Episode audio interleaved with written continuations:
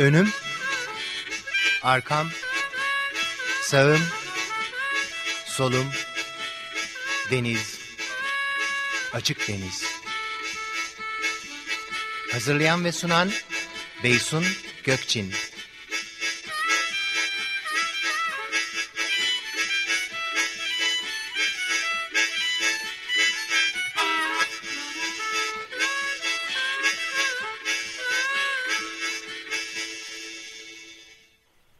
Açık herkese iyi fikirler. 95.0 Açık Radyo'da bir Açık Deniz programında daha birlikteyiz. Canlı yayın stüdyosundayım. Ee, şu anda önümde kocaman bir kitap duruyor. Kitabın kapağında çok alımlı bir kırmızı tekne var. Arkasında da buzlarla, karlarla kaplı etkileyici bir manzara önünde demirlemiş. Evet, Uzaklar 2, Antarktika, Osman Atasoy ee, Osman merhaba. Merhaba Beysun. Sibel'cim merhaba. Merhaba. Evet e, şimdi önce şu ah, şahane kitabın künyesini okumak istiyorum izninizle dinleyicilerime. Osman Atasoy Uzaklar 2 Antarktika Türkiye İş Bankası Kültür Yayınlarından çıkmış 2022. Editörler Sertaç Can Bolat, Koray Karasulu, Görsel yönetmen Birol Bayram, fotoğraflar Sibel Karasu Atasoy, Osman Atasoy, düzelti Defne Asal, grafik tasarım uygulama Mehmet Hambarlı, e, basık baskı İmak, İmak Offset. Evet peki e, Osman e, önce tebrik ederim çok güzel bir kitap. Sibel seni de tebrik ediyorum. Ee, Osman sohbetimize ee, bana göre matrak bir soruyla başlamak istiyorum. Biraz da seni tanıdığım için. Ee, hangisi daha zordu e, Osman? Antarktika'ya tekneyle Antarktika'ya gidip gelmek mi yoksa bu yolculuğun kitabını hazırlamak mı? Önce dur şey, demin bir düzeltme yaptım duyulmadı. Basım tarihi 2024 olacak. 22 dedin galiba. Evet. Daha, yayınları 2000 2010 Tamam peki 2000 doğru e, altta yani yazıyor. Yani bu bir ay önce çıktı. Evet. soruna güzel soru. Teşekkür ederim. Öncelikle profesör diyorum. Hani eski bir arkadaşlığımız var. Tabii ki canım. Burada ya kimseye karşı rahatsız edici bir durum olmasın. Hayır ben zaten o, burada senli, ben, senli benle program yapıyorum. Tamam. Ee, şimdi Bana, gitmek daha zordu onu söyleyeyim. Yazmak yazmak çünkü e, belki. E, biraz bazen sıkıcı olabiliyordu ama gitmek daha zordu. O kesinlikle gitmek zordu Beysun. Anladım ama şimdi şöyle ben tabii şimdi biraz şeytanın avukatlığını yapmak istiyorum. Bir de yakın arkadaşım olduğu için e, sana bunları söyleyebilirim. Şimdi yolculuk dört yıl sürmüş değil mi? Evet. Evet. Yani e, dönüşünüz 2012. 2012 sonunda 13'ün başı. Evet, evet. Yani aşağı yukarı e, ne ediyor? 12 sene mi ediyor? 11-12 sene ediyor. Yani yolculuk 4 yıl, kitabın bize ulaşması 10 yıldan fazla. Biraz müzikçe, müzikçe sorduğum soru bu. E, yani e, ben kendi adıma e, bir şeyi anlatmanın hele hele kamuoyuna önüne çıkacak bir şey yani bir kitaptır, bir filmdir vesairedir. Ee, zor iş olduğunu düşünüyorum. Çünkü hani bir dağa tırmanırsın o da dağa tırmanmak zaten keyiftir, bir maceradır. Oradaki emeğin sana e, ağır gelmez ama onu kitaba dönüştürmek ya da paylaşmaya kalkınca farklı bir sorumluluk çıkıyor ortaya. E, dolayısıyla ben sanki hani seni tanıdığım kadarıyla kitabı hazırlamak yolculuğun kendisinden daha zordur gelmiştir Osman'a diye düşünüyorum doğrusu. Evet. Şimdi buna hem şöyle cevap vereyim. Ben birazcık bu konuda tecrübe kazandım. Şerbetliyim diyebilirim. İlk seyahati de 2000, e, ilk seyahati de 5 senede yapmıştık. Kitabını da dönünce hemen bize şey yapıyorlardı. İşte bir an önce kitabını yaz, sıcağı sıcağına yaz, aman yaz, şu bu falan diye bir baskı vardı. Ben de hani yazmalıyım diye başladıydım seyahatten sonra. Yazdım birkaç ay sonra yazdıklarımı okudum ve hepsini çöp sepetine attım ve beklemeye başladım. tam 7 sene sonra kitabı yazdım. Yani seyahat bunda da öyle olacağını bildiğim için başlangıçta hiç yazmaya teşebbüs etmedim.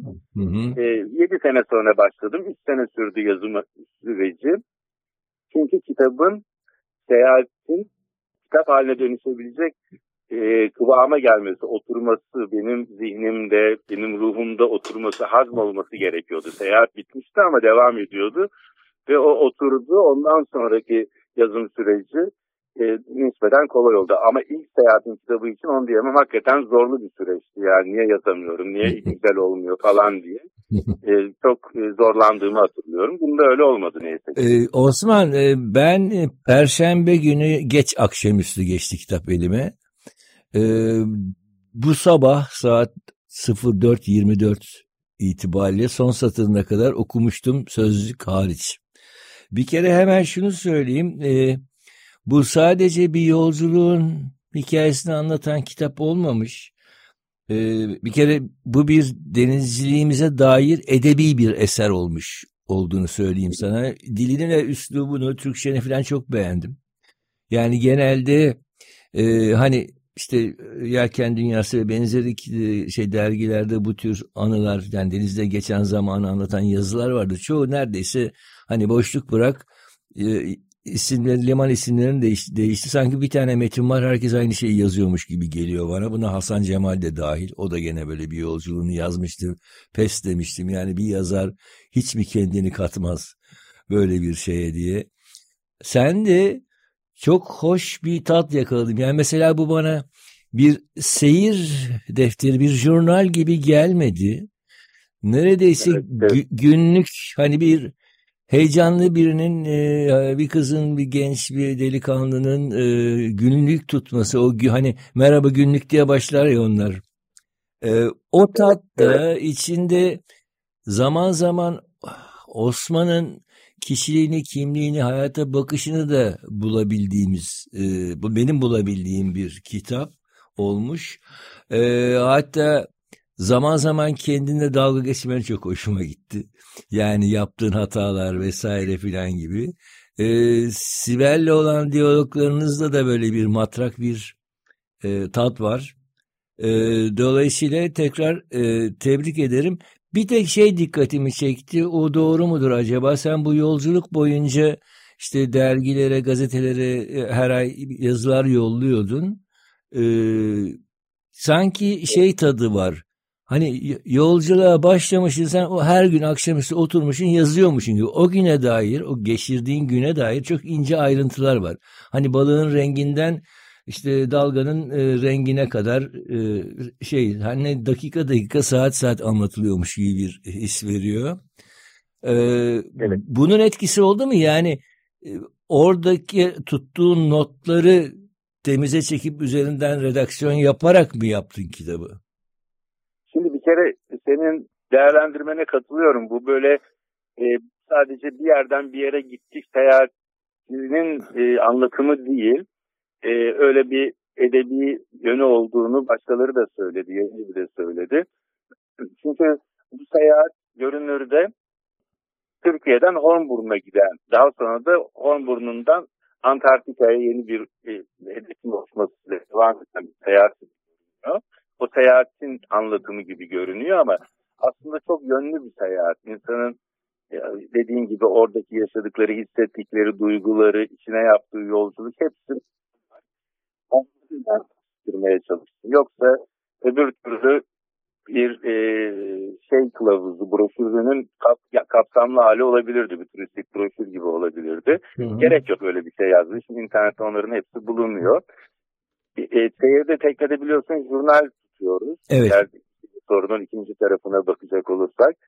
O jurnalde seyir bilgileri var. Ama ben bunu ilave olarak yaşadıklarımızı da ilave ediyordum, ekliyordum. O gün yaşadığım duygular, konuşmalar, e, aramızdaki diyaloglar Sibel'le veya başkaları onların hepsini oraya notlar halinde ekledim. Daha sonra bu bana hatırlamamda olayları çok katkı sağladı, yardımcı Hı hı. oldu. Hı. Bir de tabii seyahat boyunca e, Motorbot dergisine Motorbot Dayatın tam ismi dergisine yazdığım aylık yazılar, gazete yazıları falan da var. Onlar içinde, onlardan da faydalandım. Hı hı. Ee, ama yani şöyle başladığım zaman kitaba o unuttum zannettiğim detaylar yazdıkça aklıma geliyordu. Hı hı. E, hatırlıyordum. Yani ilk başta neydi diye düşünüyordum. Hatırlamıyorum. Herhalde bunu hatırlayamayacağım. Ama bir süre sonra birden aklıma geliyordu. O da oldu. Böyle bir şey de oldu yani. Onun için güzel aktı kitap. Aktı yani o seyahat kitapla birlikte ben de seyahati bir daha yaşadım. Hatta orada kendi halime ben de güldüm. Ee, o çünkü seyahati yapan kişiyle o 7 sene sonra kitabı yazmaya oturan kişinin aynı kişi olmadığının da farkındaydım. O böyle keyifli bir yazım oldu. Ee, bu da kızlar tarafından da demek ki fark edildi. Peki birazdan ben tekniği konuşmak istiyorum ama yine kitapla ilgili e, bir iki şey söylemek isteyeceğim. Ee, sence ben bu kitabın en çok neresini, hangi bölümünü sevmişimdir diye ben sana sorayım. Benim için en benim en çok hoşuma giden bölümü son bölümü oldu. Benim de. Perdenin arkasına evet, doğru bölümü evet. oldu. Benim yani gözümde en değerli bölüm orasıdır. Evet benim, ben, ben de en çok orayı beğendim. Ee, hatta yani bugün o, o, o bölümü konuşacak zamanımız kalacak mı bilmiyorum. Çünkü orada çok önemli bir bakış açısı ya da bakış açıları var. Dolayısıyla ona bir ayrı bir program yapmak isterim doğrusu gerçekten çünkü böyle bir kitabın sonunda bir de çok yakışmış çünkü o perdenin arkası yolculuk bittikten sonra artık tekrar Türkiye'ye döndükten sonra bir tür e, bir hesaplaşma e, gibi bir e, bölüm kendiyle hesaplaşması, etrafla hayatta hesaplaşmak gibi bir bölüm. Belki ona dair bir başka program yaparız diye düşünüyorum. E, bir de tabii bütün o e, hafta hafta gün gün ay ay iki bölümlerden en çok e, bu e, çok uzun geri dönüş seyri hiç durmadan yaptığınız seyri ciddi bir heyecanla işte sabah karşı okuyarak bitirdim. O da çok güzeldi. Hatta orada e, Sibel'in hafif artık yeter karaya çıkalım demesine sen yok hayır yola devam bu tempoyu devam ettireceğiz diye inatlaşmanız var. Ee, ben e, izin verirsen Sibel'i e, sohbete katmak istiyorum. Sibel tekrar merhaba. Merhaba. Ee, bu e, şeyim doğru mu? Bıkmış mıydın dönüş yolunda haftalarca denizde kalmaktan? Hadi bir de karaya çıkalım artık yeter Osman diye. Ya, sorma orada e, böyle e, şey çizgi filmlerdeki gibi bir e, bulut e, sen nereye gidersen oraya gidiyor. Burada bir alçak basıncı var. Güney okyanusunun bitmez tükenmez bilmeyen bir alçak basıncı var. Zaten şey belli bir süre sonra insan şeyde e, zihin uyuşmaya başlıyor. E, hissetmemeye başlıyorsunuz. Ama o 15 gün boyu o alçak basınç bizimle birlikte geldi. Sürekli fırtınayla yani. Evet. Evet. Yani burada 30 nattı e, fırtına var dediğimiz şeyde orada 50-60 nat böyle 10-15 gün bizle birlikte devam etti. Artık hiç bitmeyecek gibi gelmeye başladı. Ya yani orada doğdum, orada büyüdüm, orada kalıyormuş gibi geldi bana. o arada tabii çıldırıyorsunuz. Yeter artık konuyorsun falan diye. O zaman dedim ama orada tam okyanusun ortasındayız. Okyanus tamam. Bir karaya var. Bu işin bir olacak yine. Yani mantıklı bir çıkış değil benim yaptığım ama. ama evet insan çıldırabiliyor. Fakat mesela o e, yolculuğun o bölümünün tersine mesela ben şeyi de çok beğendim. Hornu döndükten sonra Şili kıyılarında hani koy koy e, birer gün, ikişer gün, üçer gün tamamen tadını çıkartarak böyle yalnız başka tekne olmadan bir geçirdiğiniz günler var. Mesela kitapta orada da ne kadar mutlu olduğunuz fark ediliyor. Öyle miydi?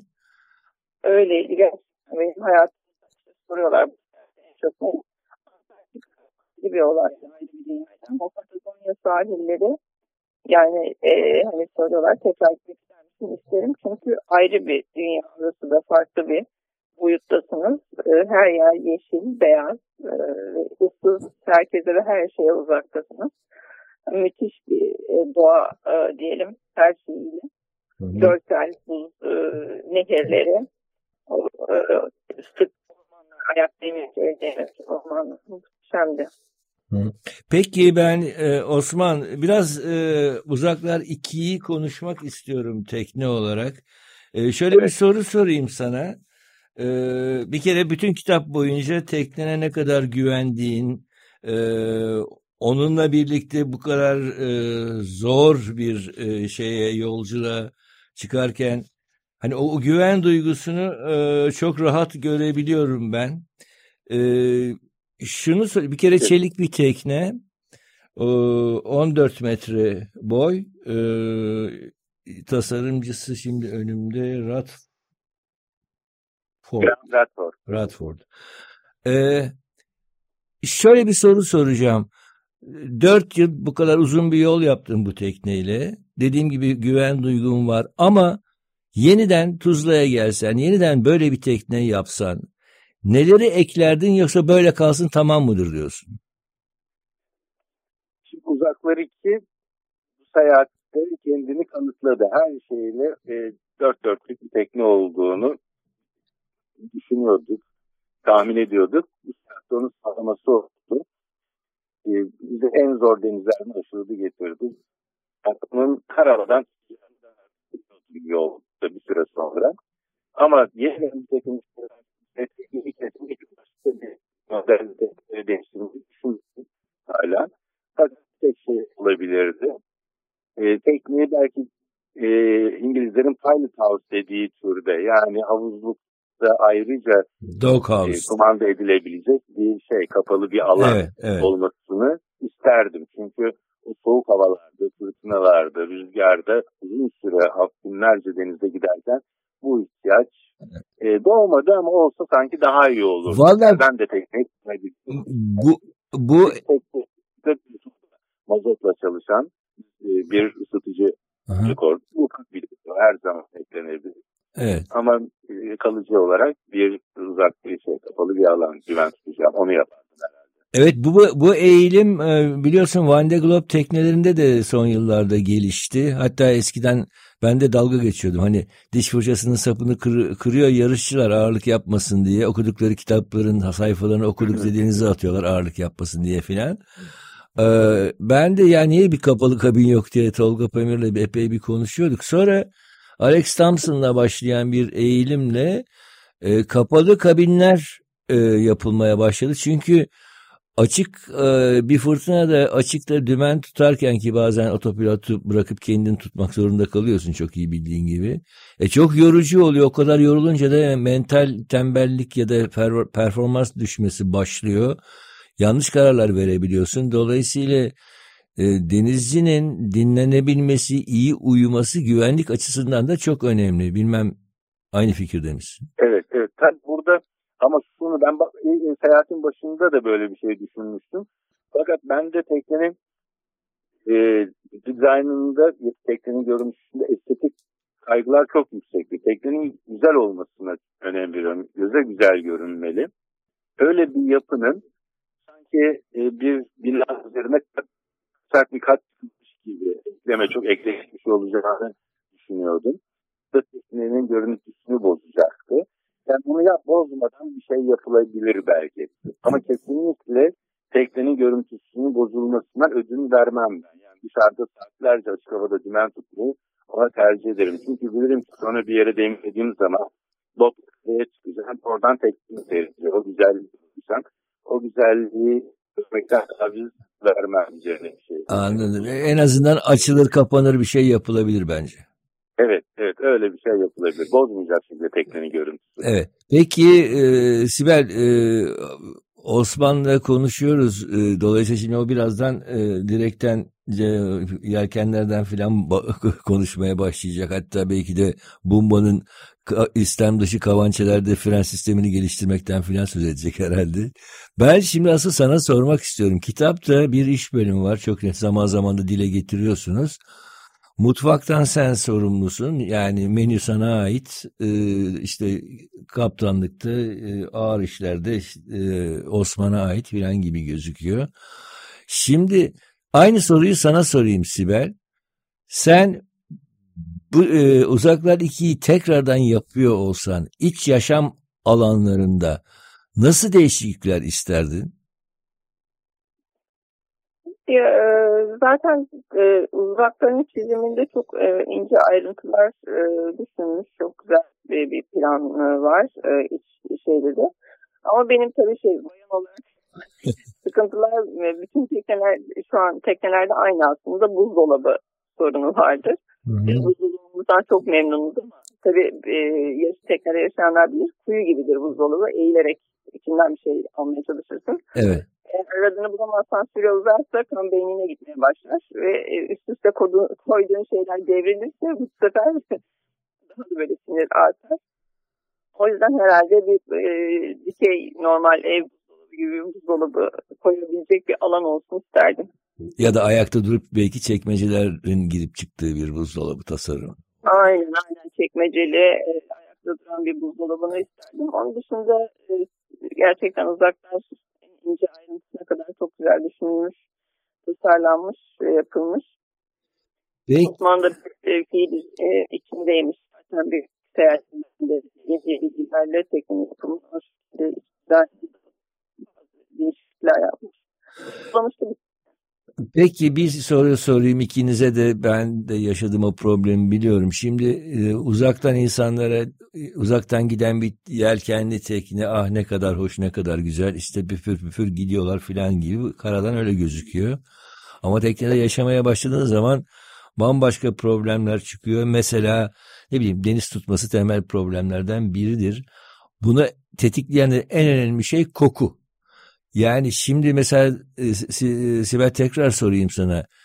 Bir farklı bir havalandırma sistemi ister miydin? Çünkü koku deniz dediğim gibi deniz tutmasını çok tetikleyen bir şey. Kamera iç yaşamındaki konforu negatif etkileyen bir şey. Bir havalandırma sistemi tasarlanmasını ister miydin Sibel? Şöyle manikalar var. Neyse havalandırması için. Biz bu site giderken o ne kadar e, ve bizim için manikalar herhangi bir anında o manikalardan içerisi gireceğini düşündük. E, o yüzden havalandırma manikalarımız biz de içeride hiç düşünmedik ki içeride bir falan yaptık. Gayet içerisi şarkı tadında kokuyordu. Midemiz bulanmadı. Anladım. Peki bir başka soru benim başıma geldi. Hatta onunla ilgili adayla ilgili küçük de bir anım var.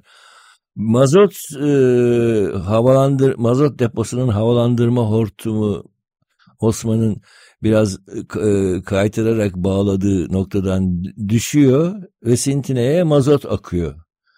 E, mazot kokusu da Allah'ın cezası bir kokudur. Günlerce hatta haftalarca kalır. İstediğin kadar yıka sil. Siz nasıl baş ettiniz Osman mazot kokusuyla? Ben çok ilginç. Mazot kokusunu severim. Ee, hoşuma gider. Hatta böyle teknenin motor çalışırken egzozundan çıkan koku da çok hoşuma gider. Benim ilk teknem bir e, kayıptı biliyorsun Toyraz. Onu bir, e, sonra ben motor taktım. Pancar, dokuzluk pancar. O pancarda e, bu kokuya alıştım. Sese de alıştım. Onun için hiç ben rahatsız olmuyorum. Hatta yani arada böyle egzozu koklamak hoşuma bile gidiyor. Böyle iyi geliyor bana. Onun için bizim açımızdan bir sorun olmadı. Herhalde hiç onunla ilgili bir şikayetini duymadım. Peki ben o zaman kendi e, hikayemi kısaca ekleyeyim. E, aşağı yukarı seninkiyle paralel.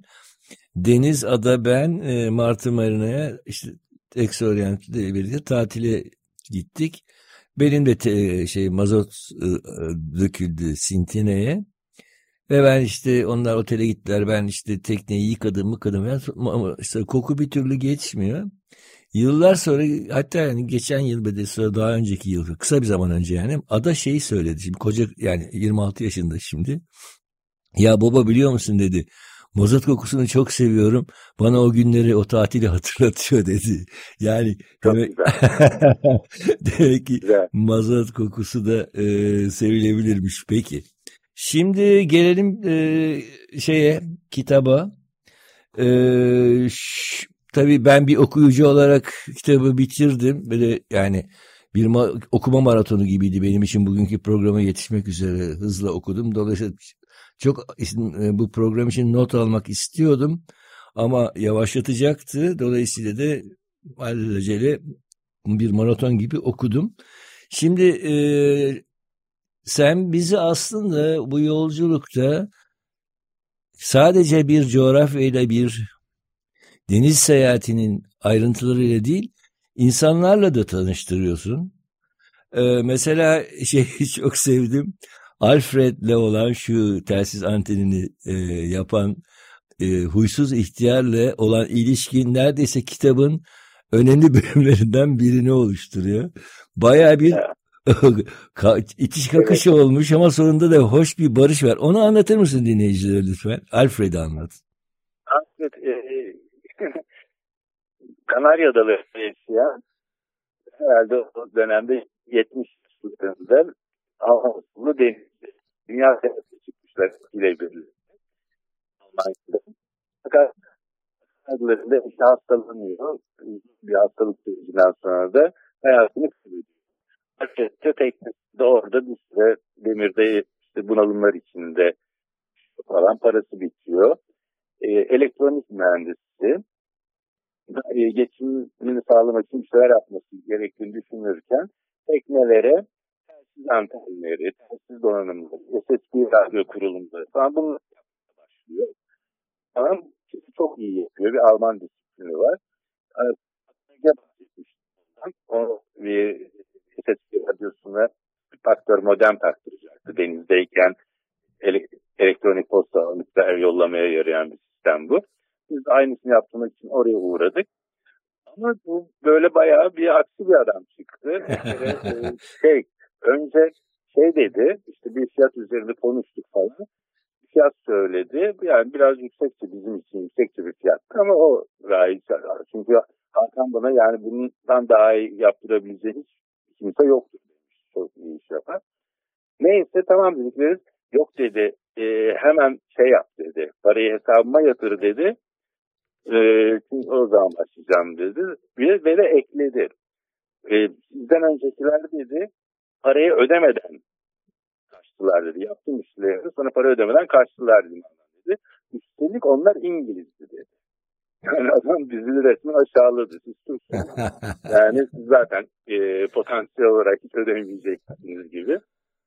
Kızdı ama yani, e, yani çaresiz yatırdık. Sonra geldi tekneye. Ben zannediyorum o yapacak donanım. Bütün hat çekilecek teknenin içine falan. Şişman da bir e, ihtiyar. Oturdu teknede masanın dışına salonda. Dedi işte şuradan halat şey çekeceksiniz kablo kıştan. Bayağı bir iş çıkardı. Tavanlar sökülecek. Yani kabloları e, akülerden e, güç kabloları çekilecek falan. Bizi çalıştırdı. Bir de sigarasını yaktı. Sigara da içmeye başladı teknenin içinde. Neyse ama Sibel'e kızmıyordu. Çünkü Sibel de şey bir de bana şey beni azarlıyor devamlı. Şöyle yap, böyle yap. Yani ilk başta da şey yani ilk şöyle oluyordu. Şimdi hatırladım. Elimi uzattım tanışmak için karada. Ondan sonra o benim elimi havada bıraktı. Gitti Sibel'in elini dedi. Önce dedi hanımların eli e, sıkılır falan gibi bir şey söyledi. Öyle bir Sonra ben nasılsınız dedim. Bu da gereksiz bir soru dedi. Ben her zaman iyiyim. Ne desem Ondan sonra e, neyse aslında çok ilginç e, bizi ilgi antin yapılması gerekiyor. Çok pahalı bir anten. Arkasında kıç ıstırahiyle bu için tasarlanmış. Böyle iki izolatör koydular.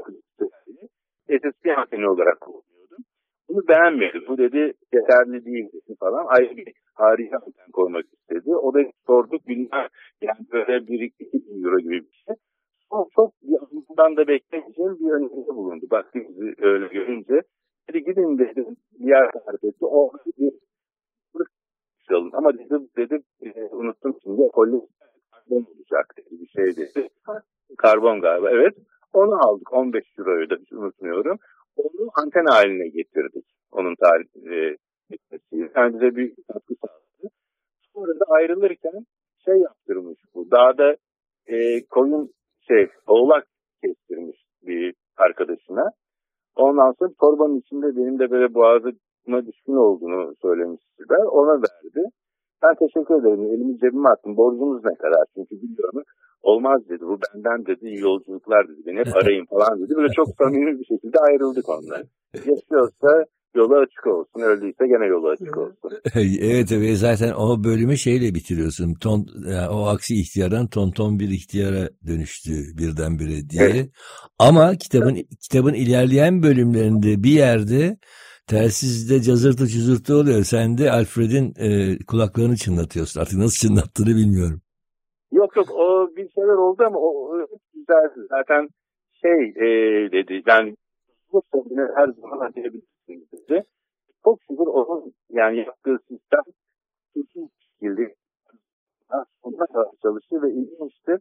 Hala teknenin kıçında onun e, yaptığı topluluk konusundan e, SSD anteni yani hala da işini yapmış. Huysuzdu ama şunu da fark ettim.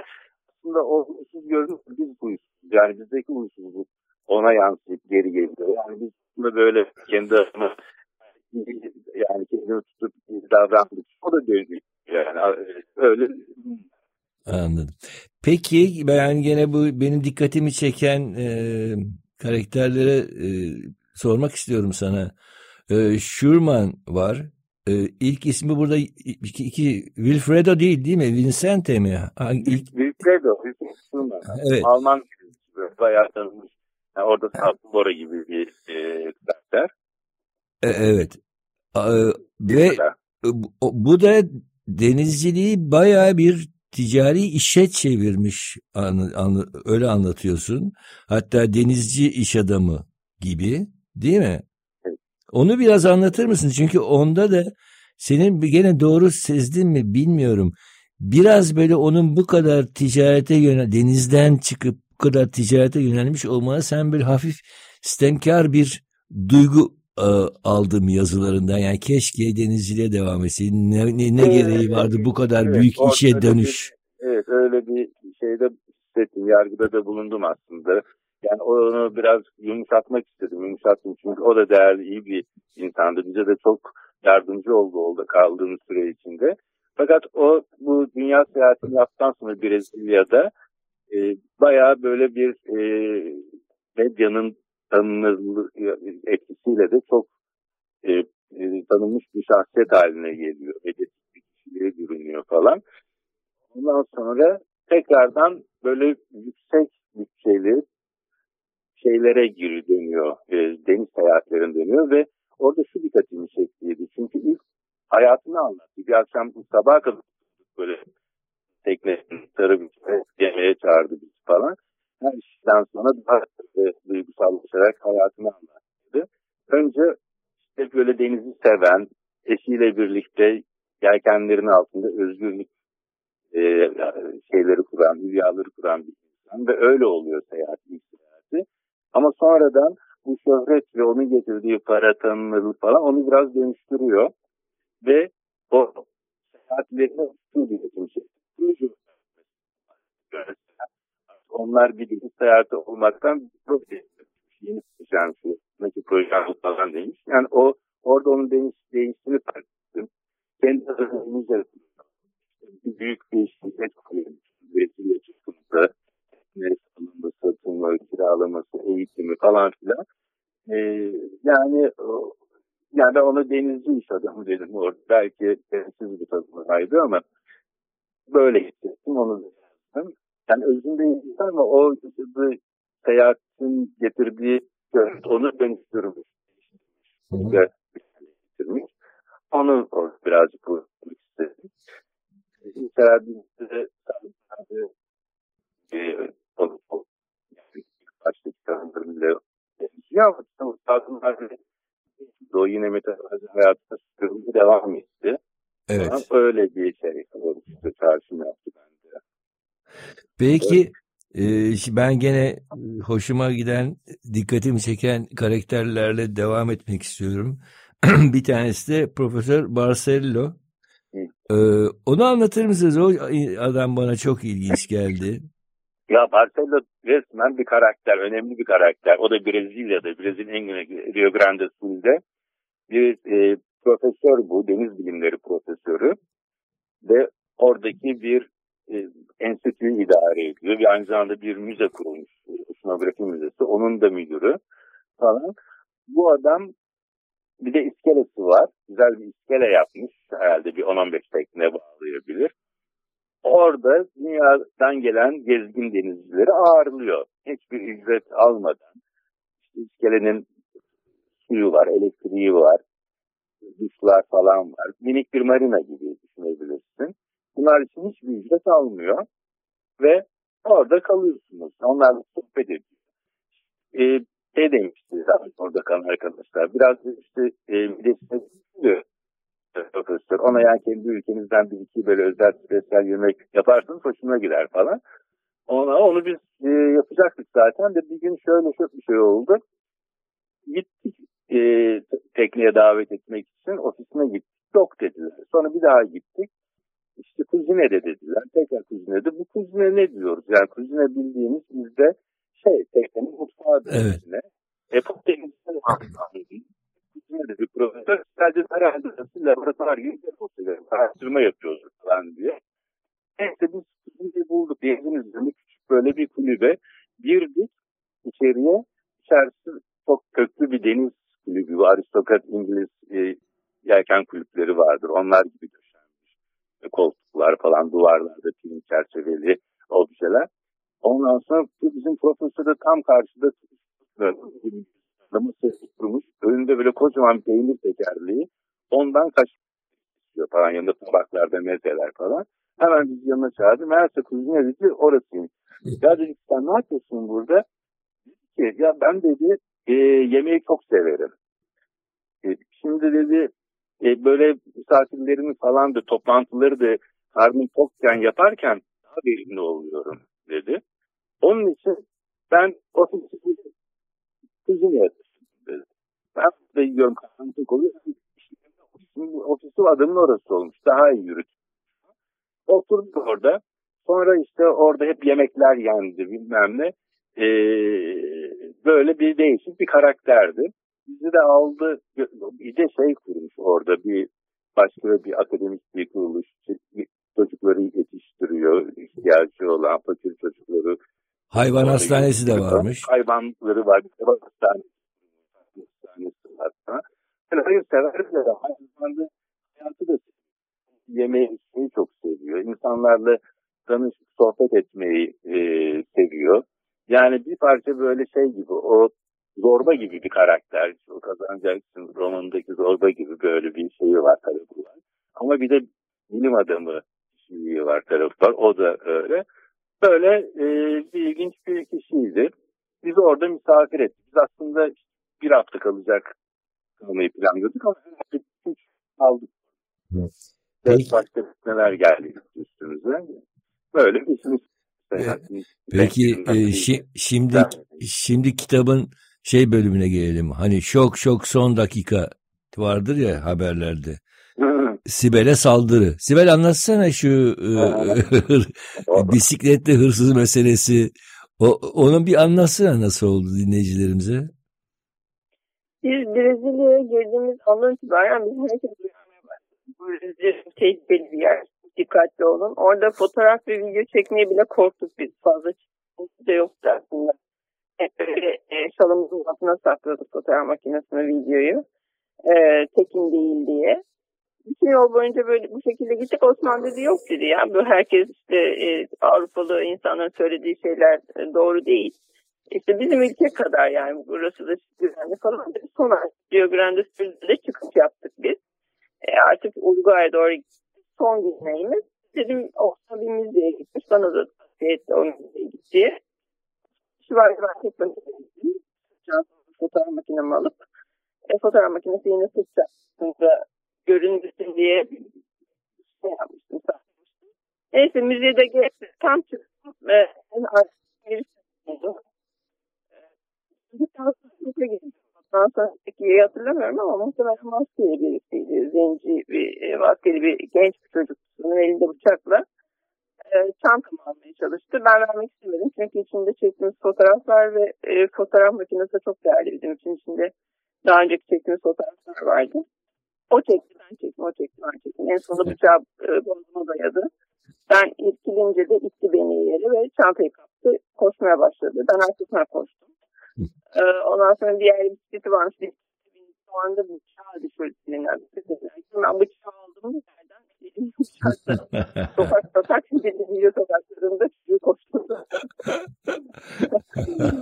Ondan sonra e, tabii ara sokaklarda favelalar var orada. Kayboldu gitti. Sonra işte Barcello sağ olsun geldi.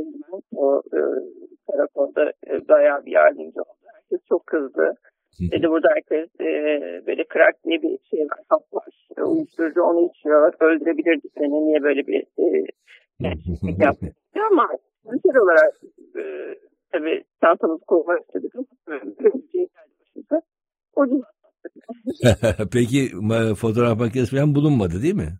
Fotoğraf makinesi gitti. içindeki fotoğraflar da gitti. Evet o, o acı ama yine de tabii bence sana itiraz edenler haklı. Ver kurtul yani neye uğraşıyorsun? Öyle dediler zaten. Şey, falan şey dedi yani. e, Ben ilk defa orada görüyorum. Polisler Kalaşnikov böyle taramalı tüfeklerle falan duruyor şeyde caddelerde. Bir garip gelmişti bana. Yani biz askerde gördüğümüz silahlı polis bir polis olduğu zaman vuruyorlar yani. Vur emri var e, şeylerde. Hatta polisler kendileri diyor böyle bir saldırı şey olursa çalmak ister verin diyor yani. Verin mi kaybolun.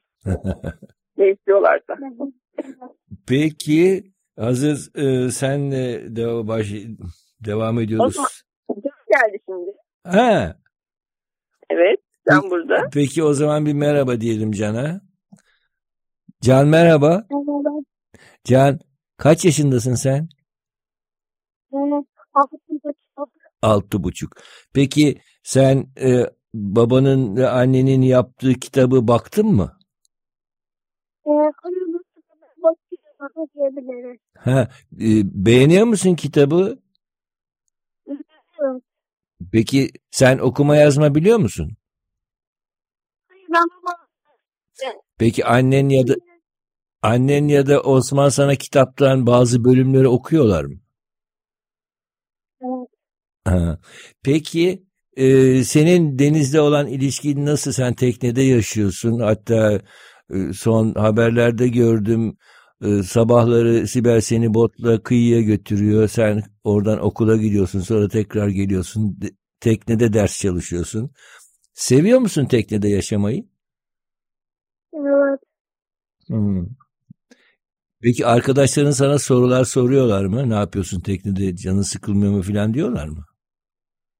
Biliyorlar. Sen onlara ne diyorsun? Sıkılmıyorum diyorum. Hmm.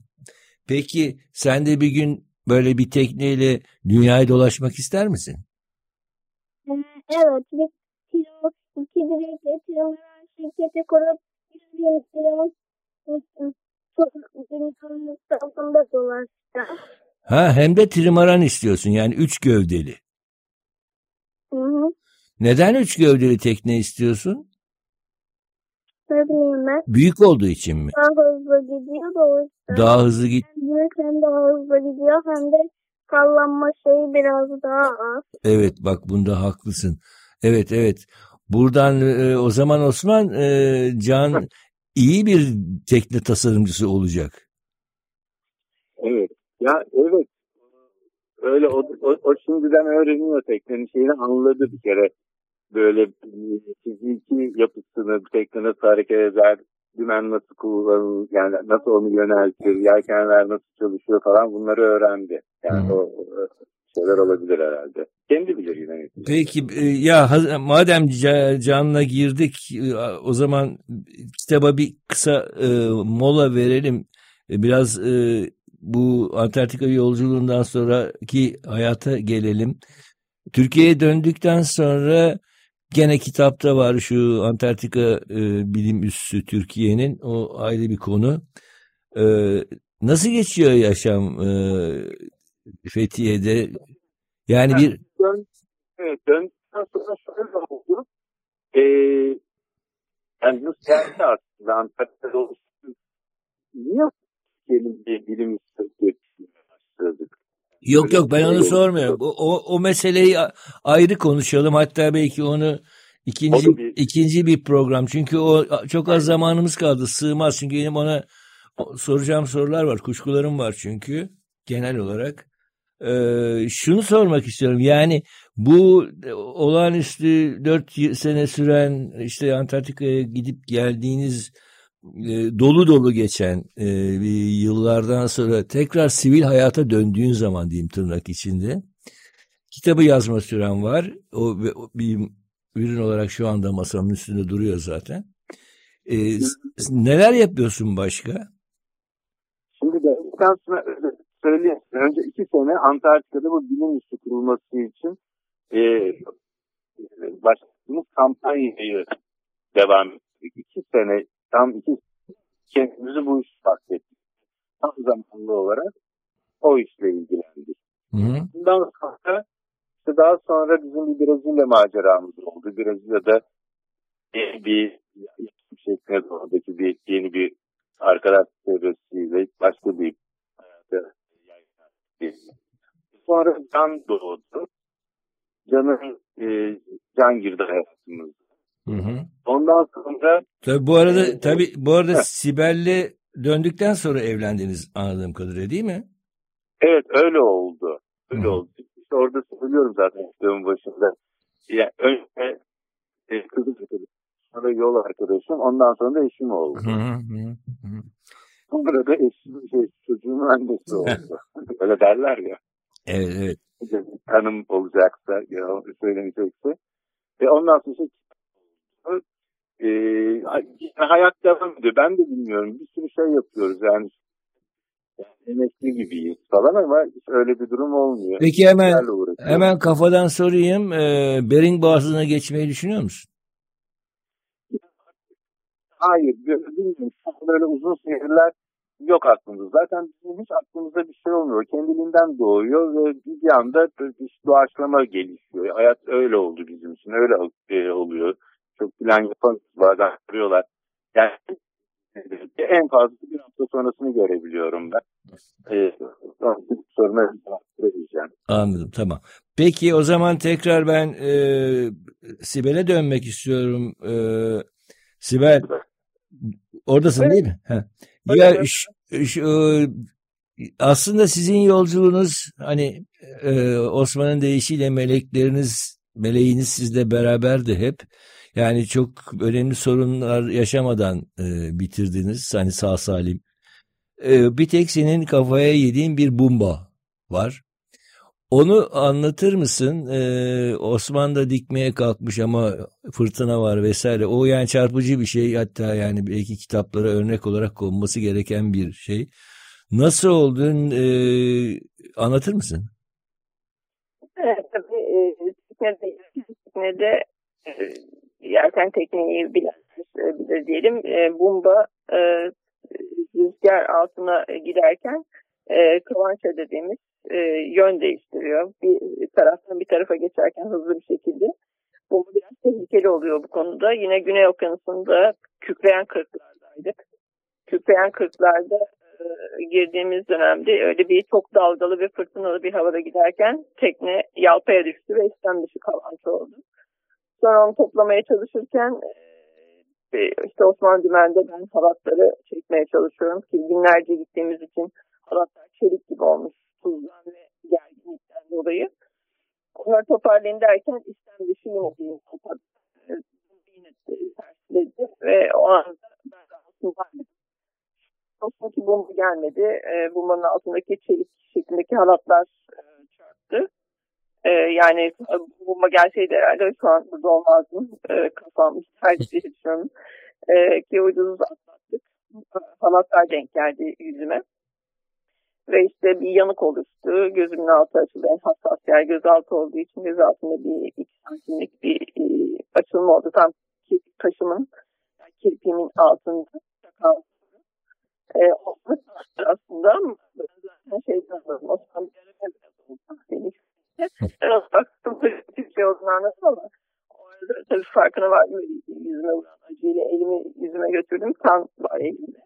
Osman'ın tek söylediği bir şey yok, bir şey yok, bir şey yok dediğiydi.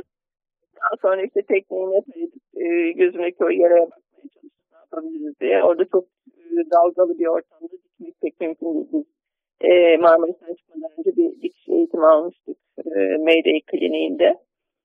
E, ve bir set de vermişlerdi bize acil durumda. Kendi kendimize dikiş yapabileceğimizi nasıl gideceğimizi gösterdiler ama hem çok yakın hem tam filmin altında gözüme çok yakın. E, dikiş yapılması pek mümkün görünmüyordu. Ne yapabiliriz diye düşünürken strip de var aynı şekilde dikiş işini gören. Bant evet. Bir e, bir araya getirip stripte bantladık e, yaralıyı. Pansuman yapıp kapattık. Zaten şey boksörlerin e, yumruk yemiş gibi şişiyor ve çok çok iyileştiğini gördük. Göz hı. Yine zaten e, e, internette bu radyo e, aracılığıyla iletişime geçtiğiniz doktorlar da aynı şekilde yönlendirdi bizi. Gözaltı çok çok iyileşir. Ama tek önemli olan şey e, enfeksiyon kapmaması için antibiyotik başlayın ve güzel pansuman yapın. O kendi kendine geçer ki gerçekten de hı ondan sonra bir fırtınaya yakalandık. İşte bir hafta on gün sonra falan. Böyle bir e,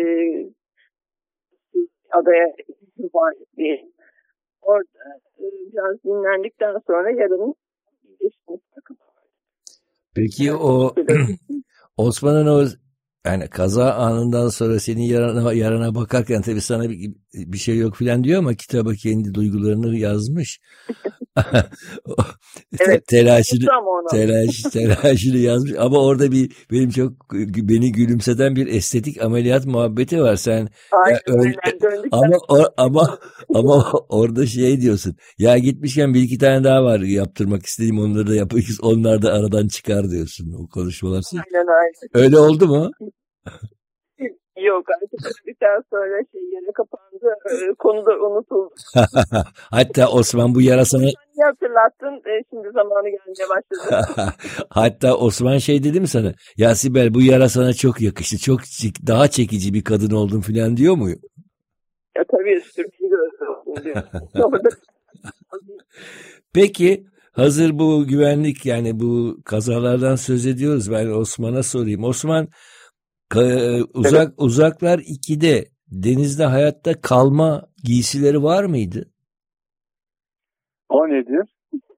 Survivor kit ya işte hani elbiseyi giyiyorsun e, donmuyorsun hayatta Ya biliyorum astro, astro gibi bir kıyafet. Gibi.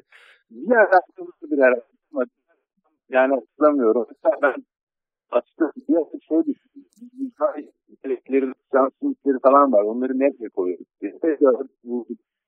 O kadar şey var ki e, bir yerlerde onlar. O, böyle bir elbisede olmuş olabilir. Ya da daha eski tekreden vardı bilmiyorum. e, ama yani oranın bir de yok bence. Yani şöyle bir şey e, beni rahatlattı. Denizdeki o çok çok kuzey denizindeki balıkçılar, eski kaptanlar, eski reisler falan. Bunların çoğu yüzme bilmezmiş. Belki sen de duymuşsundur. Evet. Yüzme Nasıl oluyor falan. Ama sonra çok mantıklı geldi. Yani öyle bir yerde yüzme bilmek, hani denize düştükten sonra sana bir e, avantajı yok bile ki bir işkenceli e, işkence gibi oluyor. Süreyi uzatıyor çünkü. Yani Güney Okyanusu da öyle. Orada denize düştükten sonra yani çok fazla orada denizin üzerinde kalmaya çalışıp bir anlamı yok. Ama şeyde bunun örnekleri var. Van de Globe e, yarışında bunun örnekleri var. Yani Ya o, orada şeyler ağlardır yani böyle işte, e, şey kurtarma SOS ağları var takip ediliyor falan filan. Yani biz orada yani çünkü hala o 100 sene önceki 200 sene önceki denizcilerin şeyindeyiz e, durumundayız. Onların dediği 40 derece endeminin altında 50 derecenin altında tanrı yok. Hatta bazen rüzgar o kadar çığlıklar atar ki karışınızı tanrı bile duymaz falan gibi laflar vardı. evet var o. Bütün o geçerliydi orada. Yani orada teknenin üzerinde kaldık kaldık. Öbür türlü kimse bize gelemez. Yani öyle bir şey yok. Öyle bir ihtimal yok. Ama o bende Globe yarışlarında biraz daha farklı. Onları tabii gidilemiyor. Ee, Onları takip eden bir ekip var tabii ki. ekip var. Evet. Ekip var. Nasıl tekrar var. Peki ya e, program saatimiz bitmek üzere sanıyorum iki dakikamız falan var. İki şey Bir tanesi çok dikkatimi çekti. Orada gülümsedim. Bilmiyorum e, sen farkında mısın? Sen bu yolculuk sırasında karşılaştığın bütün görevliler, polisler, jandarmalar, sahil güvenlik insanların ismini öğrenmişsin. Yani bir polis geliyor sen o polis geldiğini söylüyorsun o isminin atıyorum Antoine olduğunu öğreniyoruz. Bir başka görevli geliyor onun ismini öğreniyoruz. Sen alışkanlığın mıdır yani bir polis geldiği zaman ben Osman diye elini mi uzatıyorsun? Evet.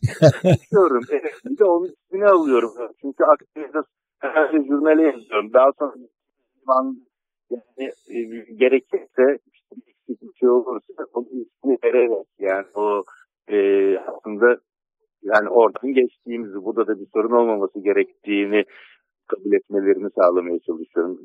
Yani o düşünceyle bunu yapıyordum ama gerek olmadı. ama hep onların ismini alıyorum. Bir de yani onlarla şunu fark ettim. Yani bazı hikayeler duyuyorum. Polisler şöyle işte e, böyle güzlük şöyle hikayeler vardı. Öyle bir şey yaşamadık. Bir tek o Madeira'daki olay vardı. Hı.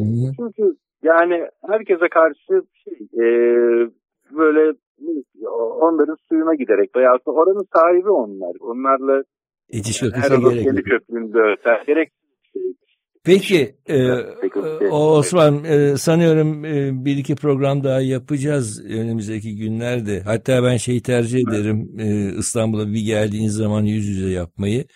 Şimdi e, Uzaklar 2 Antarktika Osman Atasoy şahane bir kitap. Bir e, tabletop dediğimiz e, masaüstü kalın bir kitap. E, sana bir bilgi vereyim. Bu kitapla ilgili senin bilmediğin bir şey.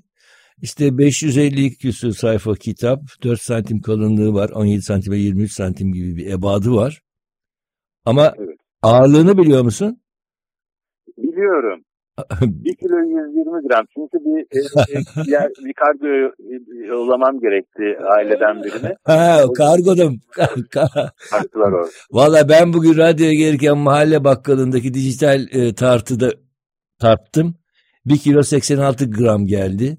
Senin aradaki fark evet. belki ambalaj farkıdır. ya da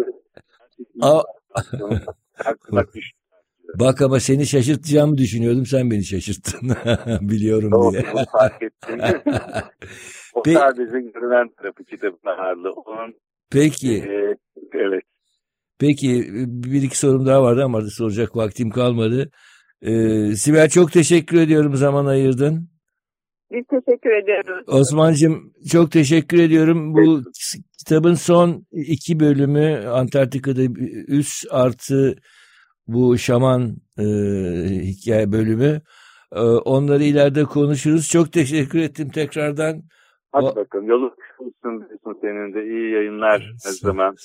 Gönlünce olsun her şey. Sağ ol sağ ol. Çok teşekkür ederim. Evet Açık Deniz bu haftada böyleydi. Haftaya görüşmek üzere. Hoşçakalın.